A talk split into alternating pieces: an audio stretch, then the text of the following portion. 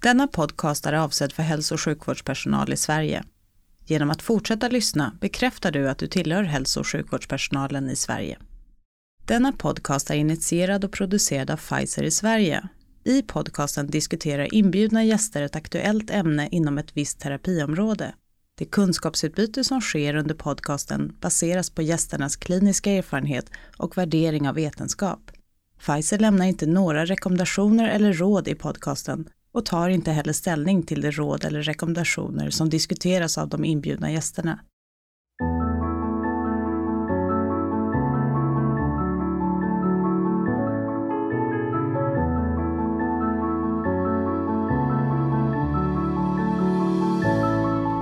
Hej och välkomna till eh, denna podd, Pfizer-podd, inom området hjärta-kärl. Och det är den här andra serien inom eh, temat förmaksflimmer. Och idag befinner vi oss i Göteborg på kardiovaskulära vårmötet 2016. Angelo Modica heter jag. Jag är medicinsk rådgivare på Pfizer.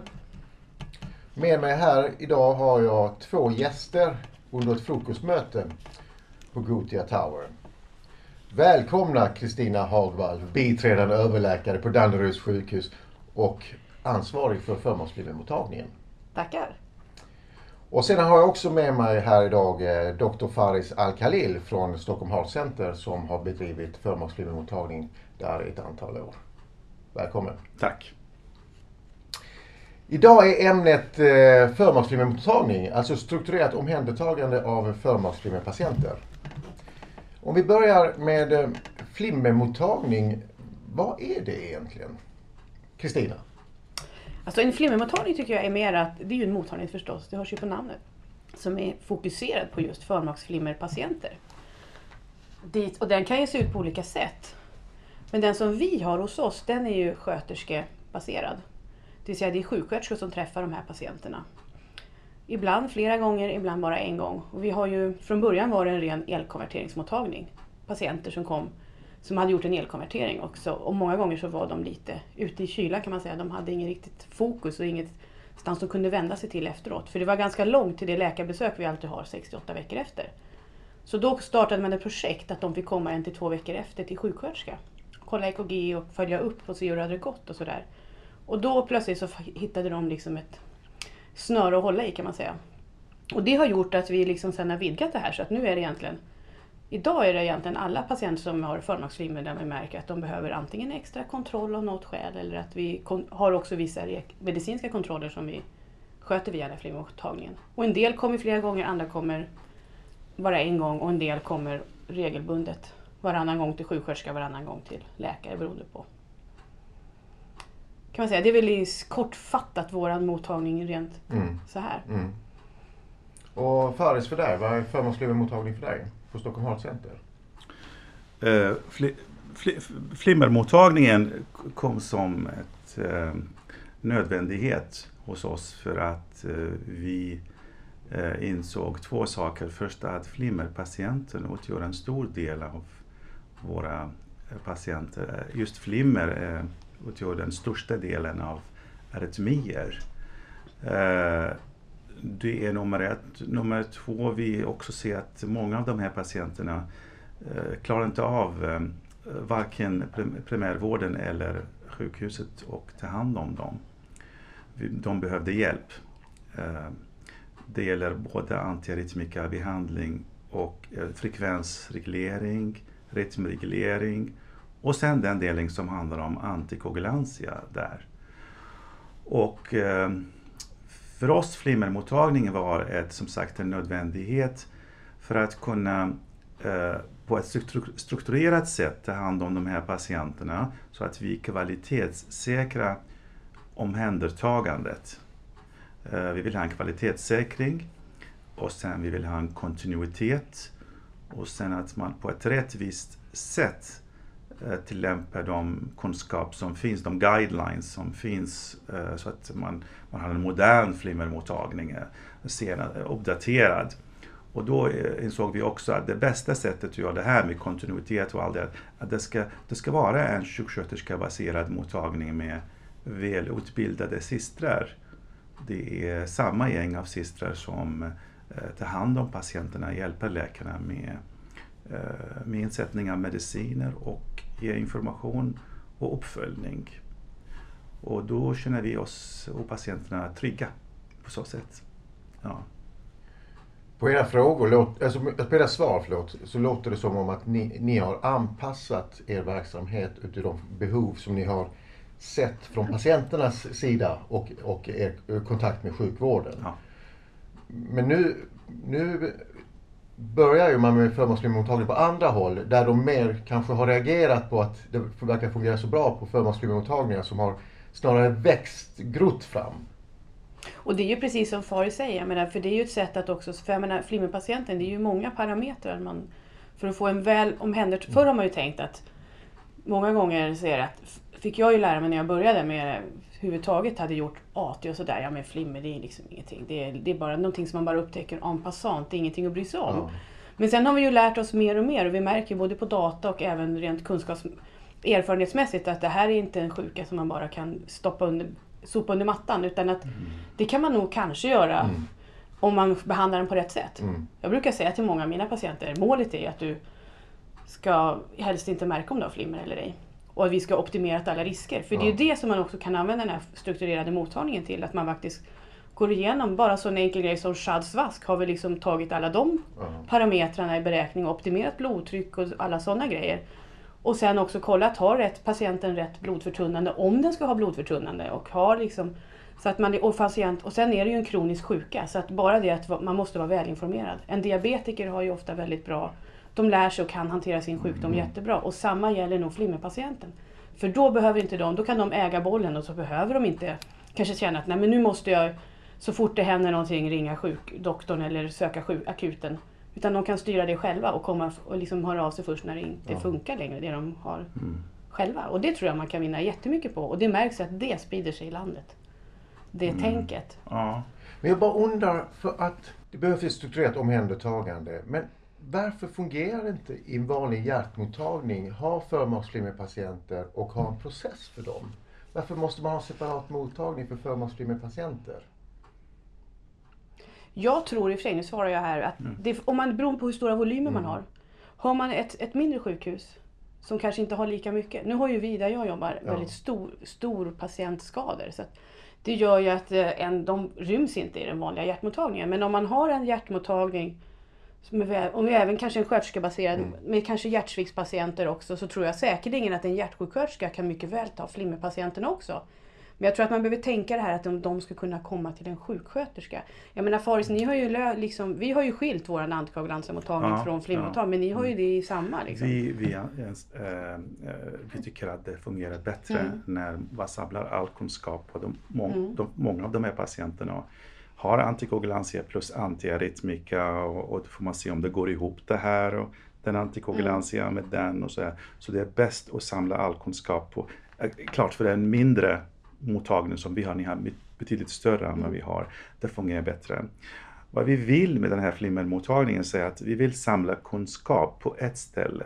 Vi vet att det blir bättre när man samlar all kunskap och uppdaterar den hela tiden. På, menar, sjuksköterskorna har mycket kunskap om flimmer och sen de eh, uppdaterar sig. Eh, och det blir bättre omhändertagande. Det blir liksom, som jag sa, kvalitetssäkring och sen kontinuitet. Jag säger inte att alla flimmerpatienter ska gå på en flimmer, specialistflimmermottagningen. En stor del av de här som är stabila och har sin Varan eller NOAC kan gå på primärvården. Men vi vill samla in de patienter som är eh, svårare. Eh, de har lite speciella antiarytmika eh, de behöver speciell antikoagulantia eh, behandling. Speciellt vid initieringen så är det bra att starta vid den flimmermottagningen. Man får bra start med information, helhetssynen och, så, och, sen, och sen kan man slussa vidare till, en till primärvården.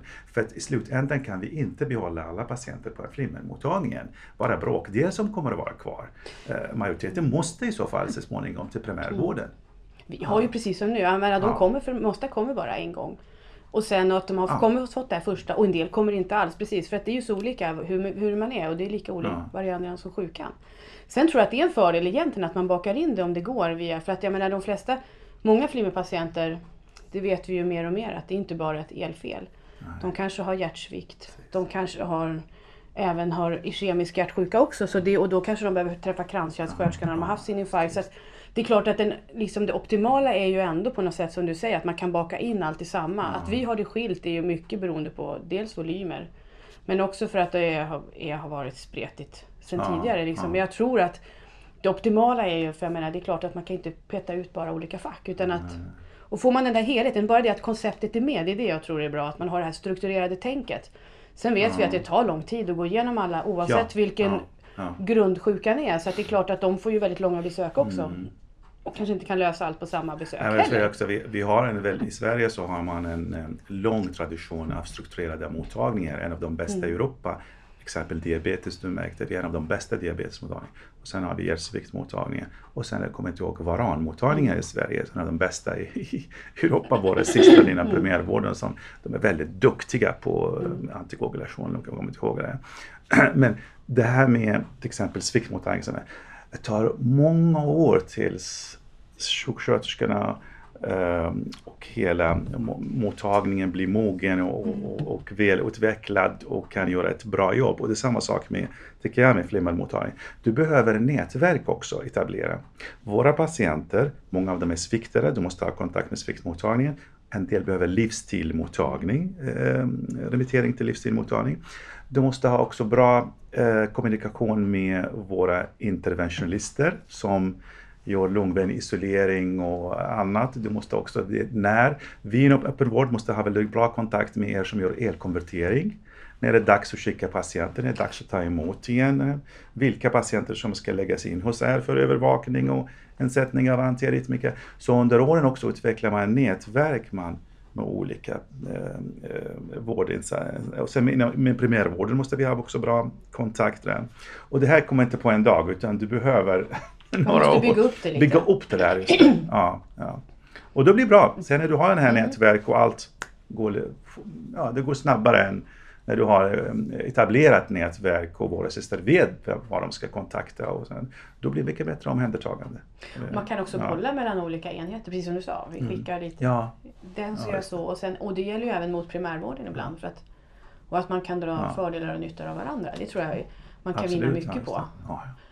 För att det, det märks ju mycket väl. Och sen, men jag tror fortfarande det här ibland att just den här att kan man, för patienternas del, för jag menar många är ju, har ju andra saker också för sig än att gå på sjukvårdsbesök oavsett Ja, vilken typ. Att man kan, om det går att klumpa ihop vissa sådana här livsstilsmottagningar tror jag med flimmermottagning om det finns möjlighet till det. Ja. Och det tror jag många mindre ställen kanske det är lättare att få till det då om man kan göra för att de har inte samma tillräckligt många patienter för att kunna splitta upp det på alla massa små minimottagningar som Ja. det blir annars. Ja. Absolut. Men jag tror att bara själva tänket, Mm. konceptet att man också lyfter flimmerpatienten som en person som behöver det här lite mera strukturerade och noggranna genomgången och framförallt information och utbildning. Mm, mm, Just för att det är ju så olika hur man upplever sitt flimmer. mm. Våra sköterskor börjar ju alltid varje besök med att fråga vad personen själv tror att de har för ut. Speciellt de som har elkonverterats. Mm. Och det är ju lik- det är ju 50-50 om det är rätt eller fel. Patienten. Många säger så här, jag mår så Ja. bra efter det här ni har gjort och så är det lika mycket flimmer ändå. Liksom. Precis, det- tvärtom. flimmermottagningen är oerhört viktigt för patienterna just när de får diagnos flimmer. När de behöver insättning av antikoagulantia. Nu exempel när vi, bara, när vi började med NOAC i början, så det var något nytt det där. Och primär, primärvården var, eh, eh, var försiktiga med insättningen så vi, vi fick ta hand om hela, det mesta av eh, belastningen, eh, lasten kan man säga. Just i början sättning av antiarytmikan, de behöver kontinuitet, flertal besök i början. Sätter man in antiarytmika eller, eller, eh, eller frekvensreglerande någonting så att behöver flera besök, kolla EKG, arbetsprov, eh, kolla blodprover och sådär. Fler, och då är, då är det jätteviktigt med kontinuitet, kvalitetssäkring. Vi vill inte tappa patienten för det kan hända faktiskt allvarliga saker. Om, om du tappar patienten just när du sätter in antikoagulantia eller sätter in antiaritmiga, det, det är allvarligt. Så att det, för oss var det fantastisk trygghetssäkerhet att vi har en grupp som har koll på alla de här patienterna, kontinuitet. Nu är NOAC ett exempel, NOAC är inte ett stort problem just nu för oss, för förut behövde vi dem ett helt år. Men nu är det primärvården är van vid att ta hand om mm. de här mm. patienterna så kan vi skriva ut dem tidigare. Liksom.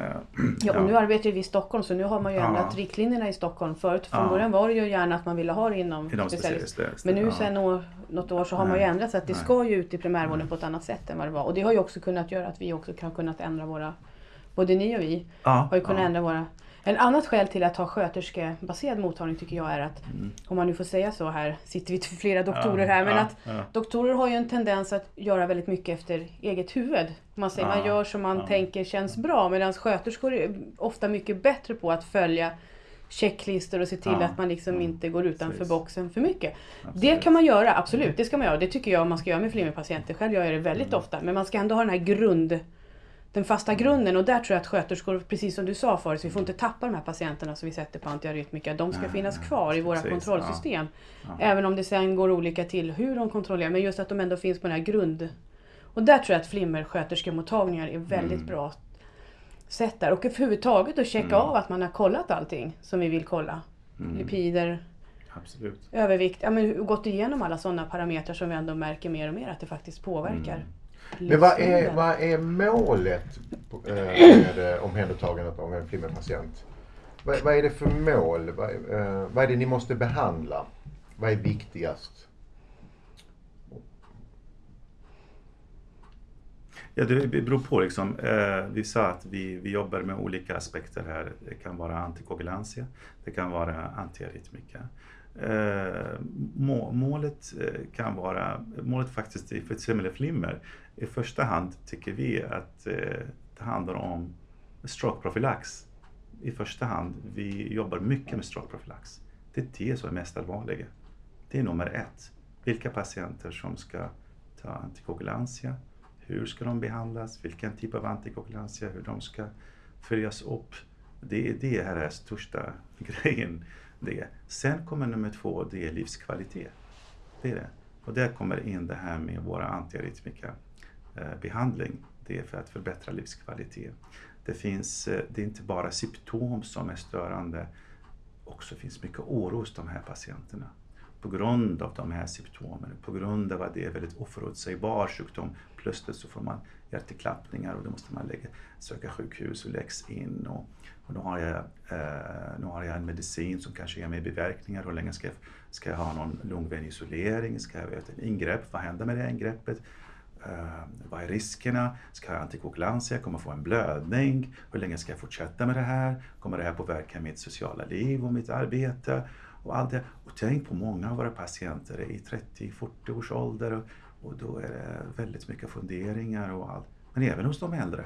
Det är mycket funderingar också på det här. Jag vill ha en bra livskvalitet när jag är gammal. Mm. Jag vill inte ha någon blödning, jag vill inte ha någon biverkningar. Hur länge ska jag fortsätta så här med med den här liksom hjärtklappning och besvär och symptom och så Så det, det är väldigt mycket också runt omkring eh, som vi måste ha hand om. Och där kommer systrarna är väldigt bra på den här biten med patientinformation. Otroligt. De, jag tror de har bättre utbildning. Det är så. De, det är omsorg. Där det handlar mycket om omsorg och utbildning för sjuksköterskor. Och helheten också. De penetrerar det här med sociala och mycket bättre än vad vi eh, doktorer gör det. Ja, de tar sig tid att gå igenom. Eh. Jag skulle inte vilja säga ett ja. no, strokeprofylax och två det andra. För jag tycker de är precis lika tunga i vågskålen. Speciellt när det kommer till yngre gänget. Så mm. Mitt mål, tycker jag, och som jag ser det med våran flimmottagning, det är att vi har två stora mål. Mm. Vi har två mål som är tunga båda två. Mm. Sen kan vi läsa ECS guidelines mm. från 2012 att det viktigaste är vad vi gör med strokeprofylaxen. Mm. Men jag tror inte man ska förringa vikten av att man har en bra adekvat frekvensreglering hos en person som har permanent flimmer. För att vi vet ju inte vilka det är som kommer att tippa över och få en grav hjärtsvikt. Och då får vi en mm. helt annat problem och en annan överdödlighet. Ja. Kanske i den gruppen, det vet inte jag. Nu mm. vet, den studierna finns ju inte riktigt så som man kan säga rakt av. Mm. Men rent, jag tror att det finns två bitar, att det båda är väldigt tunga bitar och har vi då den här unga flimmerpatienten som mår så dåligt så att den inte kan arbeta, då kommer rent samhällsekonomiskt en stor puck in i det också som gör att jag tycker att vi har två stora delar. Både den här så att vi försöker få mer och mer mina kollegor också att börja använda ERA-klassifikationen. Som ju är analog med hur man klassificera symptom för hjärtsvikt, nya klass 1 till 4. Där stämmer ju era klass 1 till 4 också. Så att vi liksom får med det. För att många gånger om man inte använder den, då ibland så kan man faktiskt läsa i våra journaler att det står att man har varit på ett läkarbesök och så står det ett asymptomatiskt förmaksflimmer. Det får vara så. För personen skri- beskriver inga palpitationer och ingenting egentligen ifrån bröstet. Men sen kunde de inte gå mer än 100 meter för de orkar ingenting för de hade så dålig kondition på grund av flimret eller så. Ja. För att man inte har känt av själva rytmen i Nej. sig och då plötsligt blev det ett asymptomatiskt flimmer. Och då börjar man då tänka era klassificering, då får man ju plötsligt med hela den här äh, livskvalitet och även orken och hela den biten. Och det gör att jag tänker, och då tror jag att det är liksom en ganska, det är en stor puck också utöver det här med antikoagulantian. Och nu är det precis som du sa, ni har ju mer regelrätt antikoagulantiamottagning i er flimmermottagning Ja, Faris. det. Det- Medan vi har ju då skilt lite på det här. Men Ja, de här systrarna ja, som sitter ja. på flimmottagningen hos oss, de jobbar ju även på antikoagulantiamottagningen. Det är bara det att de ibland, så de diskuterar ju antikoagulantia med patienterna och det är inte så. Men ofta så har de redan varit in, kommit igång där. Men de brukar kontrollera att de ser att rätt pers- att patienten har antikoagulans om den ska ha det. Och de brukar också säga till om det är någon de märker, nej men den här ska väl kanske inte fortsätta för nu har det ju hänt saker. Liksom. Så att det liksom blir rätt Ja. där. Även om vi inte nystartar antikoagulantia via just flimmermottagningen utan det går via då Att det gäller att de jobbar nära varandra. Det är väldigt viktigt tycker jag, även om det blir separata mottagningar. Jag förstår att ni har Mm. gett väldigt stor volym av patienter. Det är väldigt stor, men det går inte att jämföra med den volym som vi har. Eh, och då krävs också att eh, ni liksom skräddarsyr och anpassar er verksamhet till den här volymen. Och den antikoagulantia-delen som ni sysslar med, det handlar inte bara om flimmerpatienten också. Ni har andra medicinska eh, åkommor som kräver antikoagulantia-behandling. Men eh, för oss med ett mindre mottagning, eh, mindre antal doktorer och sjuksköterskor, så det har varit en plus att det är samma grupp som jobbar med båda, eller hur? Ja, just det. Att jobba med båda och, och titta på det här med interaktioner, olika läkemedel och kan man passa in det här med det här och så. här. Och just det, där stämmer ju så bra med också. Det blir ju Ja. optimerar man för patienten Ja. träffar en person som sköter hela Precis, kittet och det som är verkligen gör att väldigt det... bra, det stor jag. liksom, med stöd just det. Så om jag får sammanfatta målet med eh, behandlingen av patienten så är det ett, antikoagulantiabehandling för att minska risken för stroke eh, och därmed invaliditet och död. Och, det och på den andra sidan som du Kristina sa det och, och du också Faris, eh, förbättra patientens livskvalitet, symptom av förmaksflimmer. Och då kan då, det kan vara hjärtklappningar, det kan vara andfåddhet, eh, vad det nu är, men att förbättra symptomen. Och därmed så förbättrar man patientens livskvalitet, man minskar risken för sjukhusinläggningar, eh, onödig kontakt med vården, eh, mindre sjukskrivningar, bättre för samhället och bättre för patienter och anhöriga och så vidare. Men, Men vi kanske också förbätt, förlänger livet på patienten Mm. Ja. om vi behandlar dem på ett bra sätt. Vi har ju inte jättebra data på nej, det. men troligen om man tänker teoretiskt Ja. så borde det vara så. Man minskar risken för hjärtsvikt och så vidare. Vi kommer snart in på dokumentation, men jag har en fråga här. Och det här är en fråga som ofta kommer då. Rate control, rytmkontroll. Alltså rate control, frekvensreglering eller rytmkontroll. Ska vi ha sinusrytm eller ska vi acceptera förmaksflimmer? Och, det har, och, och hur man gör här, det har ju varierat genom åren, hur, hur vi har, vilken inställning vi har haft. Och var står vi idag? Hur, hur resonerar ni? Jag brukar tänka så att, jag brukar tänka första gångs flimmer, då försöker jag alltid med rytmkontroll. Men om det är någon som har ett helt asymptomatiskt flimmer och då går jag på era klassifikationen, det vill säga era klass 1, inga symptom, märker ingenting, hindras inte i sin vardag eller ens sin vid anstkraft. Då är det, om man liksom går hård, fyrkantigt så, då tänker jag, nej men då, och det är ett snabbt recidiv, då är det rate control som gäller, då är det frekvensreglering. Är det däremot någon som befinner sig i era klass 2 eller mer, det vill säga påverkas av det här flimret och inte mår bra, då har jag mycket lättare, då kör vi rytmkontroll lite till och sen är det ju en diskussion ihop med patienten. Ja. För en del kanske tycker att nej men lite till vill jag göra men inte mer. Men det är, mycket, det är symptomstyrt i första hand tycker jag, rytm eller frekvenskontroll. Ja, men precis. först ett försök till rytmreglering tycker jag man ska göra. Och det är ju för att vi inte har hundraprocentiga data på att det är okej för varenda människa att gå med flimmer resten av livet. Ja. Yngre personer har jag väl lättare för oss att satsa lite hårdare på rytmreglering. Ja, ja, precis. Jag håller Utan med. att Ja. tänka att jag skulle vara åldersdiskriminerande, för det är inte det det handlar om. De har ju mer större risk för Ja. recidiv. Det är inte lika lätt att Nej. hålla dem i sinusrytm. Och vi har ju faktiskt inga data på som säger att det är okej att gå med ett flimmer 50 år till i livet, konstant, permanent. Nej, ja, precis. Jag håller med dig. Liksom. Vi har ingen liksom, stark evidens på att det är bättre med det ena eller andra. Att man behåller rytmen. Så det finns ingen liksom, eh, men det är symptom som styr. Mm. Vår, eh, det är fortfarande det är symptomatisk behandling, rytm och frekvensreglering. En patient som inte mår bra av sin hjärtfrekvens. Eh, en del behöver inte ha någon hög hjärtfrekvens, men de mår inte bra. Den här variationen i frekvens bara. Och sen den här också variation sinus plötsligt flimmer också. Och sen många kommer ihåg att även om de har normal, norm och frekvensflimmer eh, så blir de trötta eh, och, och eh, andfådda. Och det ena dag så kan man gå upp den här backen, inga problem, springa upp. Och andra dagen så går det inte alls, det var fem steg så tar slut. Bara för att man har flimmer just den dagen. Och det är det som vi, de här patienterna behöver en rytmreglering. De som går, vi har mycket bekymmer med de som har mycket hög frekvens och eh, kanske inte alla mediciner biter, bio, biter på, liksom på um, den här. Och då måste vi kanske göra någon invasiv behandling, typ AV, eh, eh abladering med inläggning av pacemaker och sådär. Men hos de yngre så är man mera benägen att behålla rytmen, sinusrytm som du säger. Man tror att det är bättre att behålla sinusrytm inom elkonverteringen och antiarytmika så att man förlänger den period man har normal sinusrytm och, skjuter upp den tiden man hamnar i persisterande eller, eller, i permanent flimmer. Det, det, är bra för hjärtstruktur och hjärtfunktion om vi behåller dem i sinusrytm. Så där är vi mer angelägna om att göra elkonvertering, lungvenisolering hos de yngre. Hos de äldre är vi mer inriktade på symptomatisk behandling. Då är det mer frekvensreglering. Mm. Det Sen ska man komma ihåg att det finns alltid undantag som bekräftar regeln, så att ja. det är ju en individuell bedömning. Och det gäller ju också vad man frekvensreglerar en person med. För jag menar betablockad i all ära, det är ju ett jättebra läkemedel men det är inte alltid det allena saliggörande och det ska man komma ihåg att det finns bra kalciumblockad. Sen liksom prognoser sådana, liksom vi pratar, men att fortfarande så kan det funka mycket bättre många gånger tycker jag med kalciumblockad. Framförallt hos yngre personer. Mm. För då slipper man det här att man kände sig, kanske en del det här som gör att många känner sig som 10-20 år äldre. Ja. Som betablockaden ändå kan ge upphov till. Men återigen, det är ju verkligen, man måste vara lyhörd för patienten där och verkligen kolla, stämma av med den personen hur den upplever. Och det gäller ju både yngre mm. såväl som mm. äldre, för man ska inte säga att... Nej, och speciellt hos yngre är det klart problem. Eh, de yngre eh, vill inte ha mediciner och vill inte ha flimmer. Det, vadå, jag är liksom 30 år, så 40 år, så jag har liksom familj och barn och jobb och så ska jag ha flimmer och ska jag eh, antiarytmika och sådär. Och eh, många av dem har, har lite för höga förväntningar. De vill ha en medicin som tar bort flimmer. Eller de vill ha ett ingrepp. Då ska jag skickas till en lungvägsisolering och bli av med mitt flimmer här då.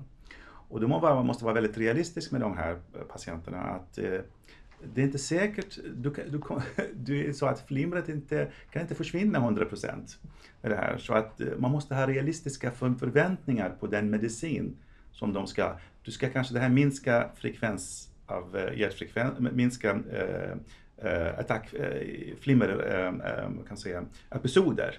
Eh, du kommer bli bättre symptommässigt. Men det, du kommer inte bli av med ditt flimmer. När det är dags för antikoagulantia så kommer du få antikoagulantia.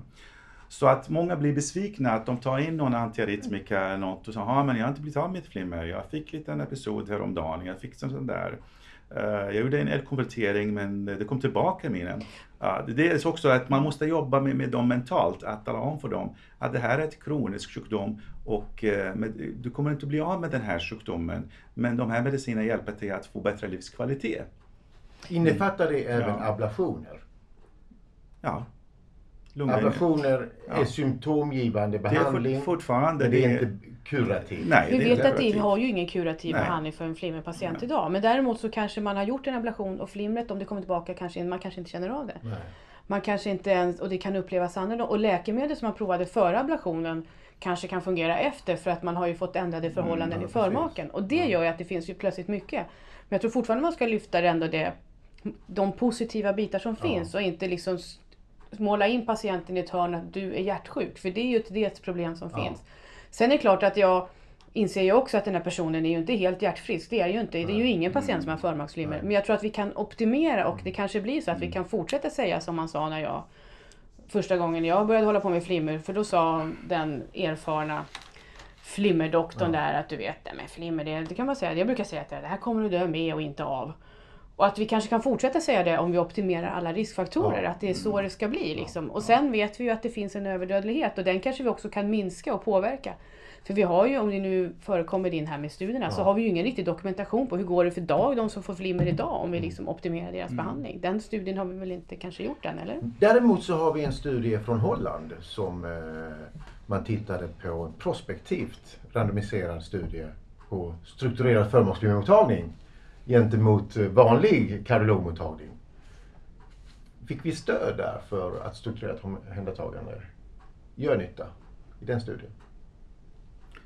Uh, ja, det, det är faktiskt det, det, den flimmermottagningen i Holland uh, som startades av en uh, specialist sjuksköterska där, han Hendrix.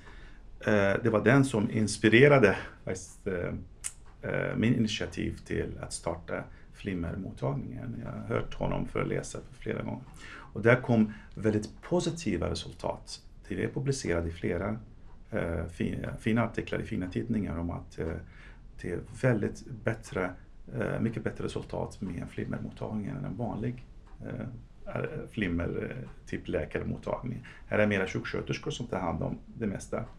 Avseende kardiovaskulär död och sjukhusinläggningar. Ja, sjukhusanläggningar och mortalitet. Det finns flera som talar för att det här blir bättre liksom, med, den, eh, med den modell. Så. Mm. Eh, och det förstår man med en kvalitetssäkring och kontinuitet. eh, Det, det är klart att det kan, måste bli någon positiv resultat av det hela.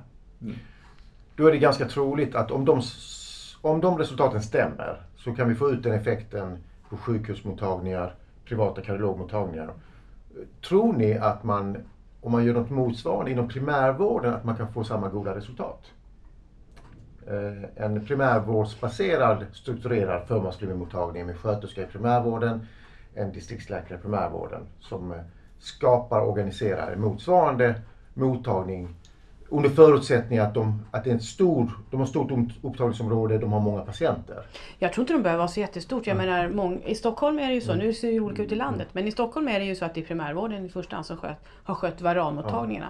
Nu diskuteras det ju om kanske att det, man ändrar om lite beroende på hur det ser ut, på vilken typ av läkemedel som förskrivs. Men att man har ju sköterskebaserade mottagningar i primärvården idag, både inom hjärtsvikt, inom KOL, sjukdomen diabetes och även de här varan AK-kontrollerna och sådär. Det har ju varit lite olika. Ibland är det sköterskor och ibland är det BMA. Det finns ju olika varianter där. Så att jag tror absolut att det är klart att den här sköterskan som träffar en diabetiker eller en hjärtsviktspatient mycket väl som distriktssköterska kan också träffa en flimmerpatient fast, och då ta på sig flimmerhatten.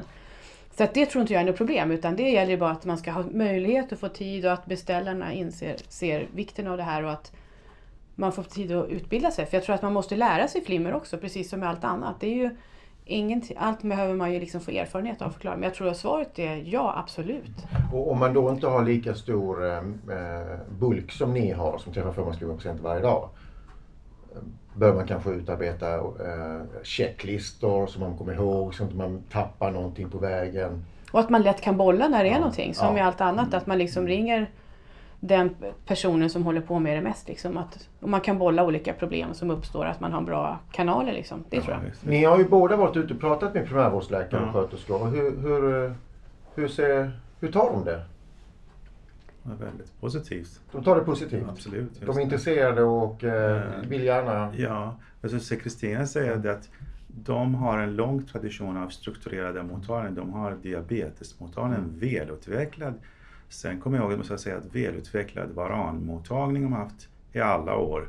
Eh, våra systrar är väldigt duktiga. Nu är det hjärtsviktmottagningen inom primärvården i Skåne. De, de har börjat med det.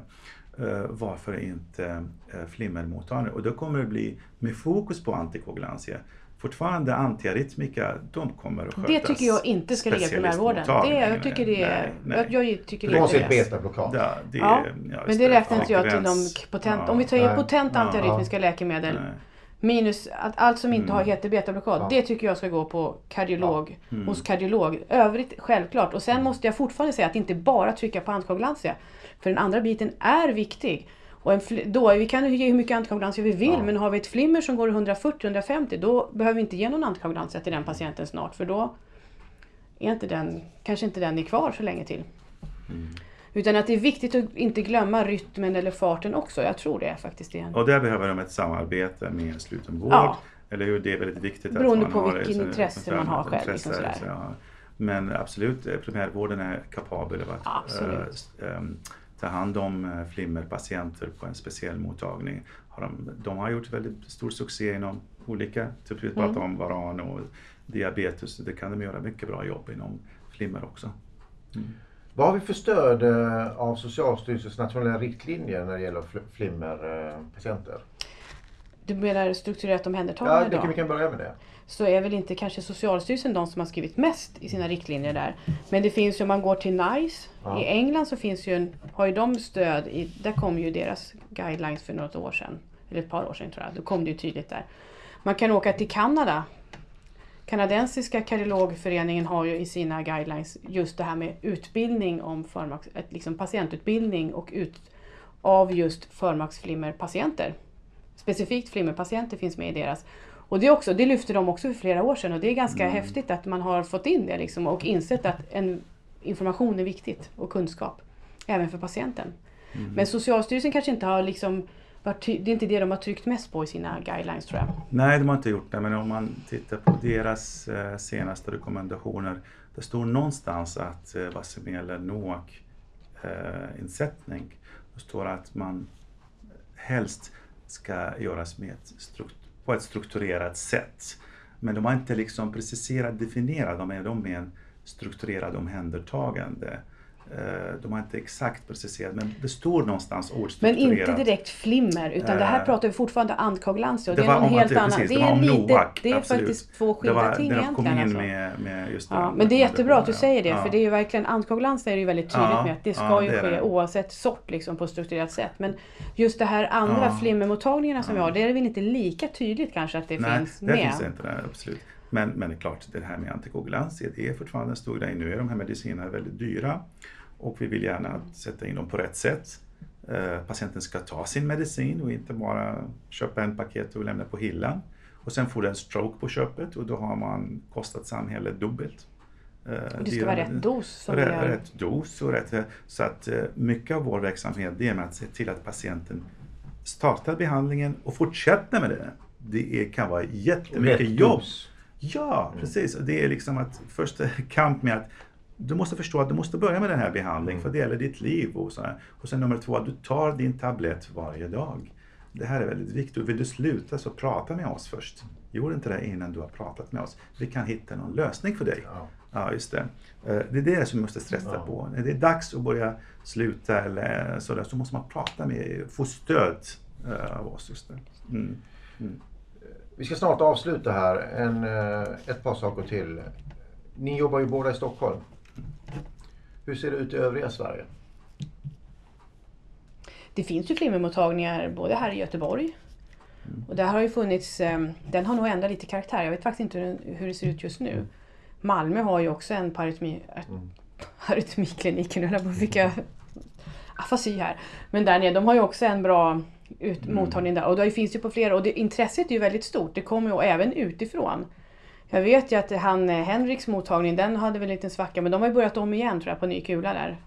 Och det kommer ju från flera håll nu så att det jag tror absolut, och, det kommer, och till, vi får ju ganska många som frågar oss bara för att vi är ganska stora och det märks att intresset är stort och det är väldigt roligt. Och jag tror till och med att det fanns någon proposition i riksdagen för något, några år sedan om just strukturerat omhändertagande. Men sen vad det blev av den, det vet jag inte. Nej. Nu är så också att eh, Socialstyrelsen eh, på fullt, full allvar nu har de tagit initiativ eh, till, att, till en nationell screening av eh, förmaksflimmer. Och eh, klart man måste tänka, vad blir efter den här screeningen? Hur ska vi ta hand om de här patienterna när vi screenar hundratusentals patienter? Får du jobb Faris? Hur ska vi ta hand om dem? Ja, men det gäller inte bara att screena. Utan Nej, nu är precis. det också, hur ska vi, vem ska få behandling, vem på vilken nivå och eh, det här. Det, också behöv, det behövs nog en strukturerad, inte bara screening, strukturerat omhändertagande. Eh, Det ska inte kosta mycket pengar, eh, absolut i onödan, utan man ska satsa pengarna på rätt. Du frågade om överallt. Jag vet att Linköping finns ju också Ja. flera. Och Okej. Jönköping har haft. Jag tror att de är på väg att börja igen. Så det, det liksom kommer nog överallt. Ja, Många ställen, men att det kommer se olika ut precis som det. ett mindre ställe, ett mindre sjukhus eller en mindre Ja. enhet så kanske man bakar in det på ett annat Ja. sätt. Är det en större enhet så kan man ju beroende på volymer att man liksom får, man måste liksom bara hitta sitt eget sätt. Jag vet att primärvården i Värmland är ju Mm. på gång också ju men jag vet inte hur långt det har kommit där. Okej. Så att det är på, det kommer nog bli, vi hoppas att det växer som svampar i jorden. Vi får hoppas det. Och med det vill jag bara tydliggöra att Socialstyrelsen håller på att utreda frågan om nationell screening ska införas. Tack ska ni ha båda två, Kristina och Faris, för er tid idag. I nästa podd ska vi ta upp just frågan om varför man bör screena äldre patienter. Missa inte det. Tack! Tack så Tack mycket. Tack, tack själv.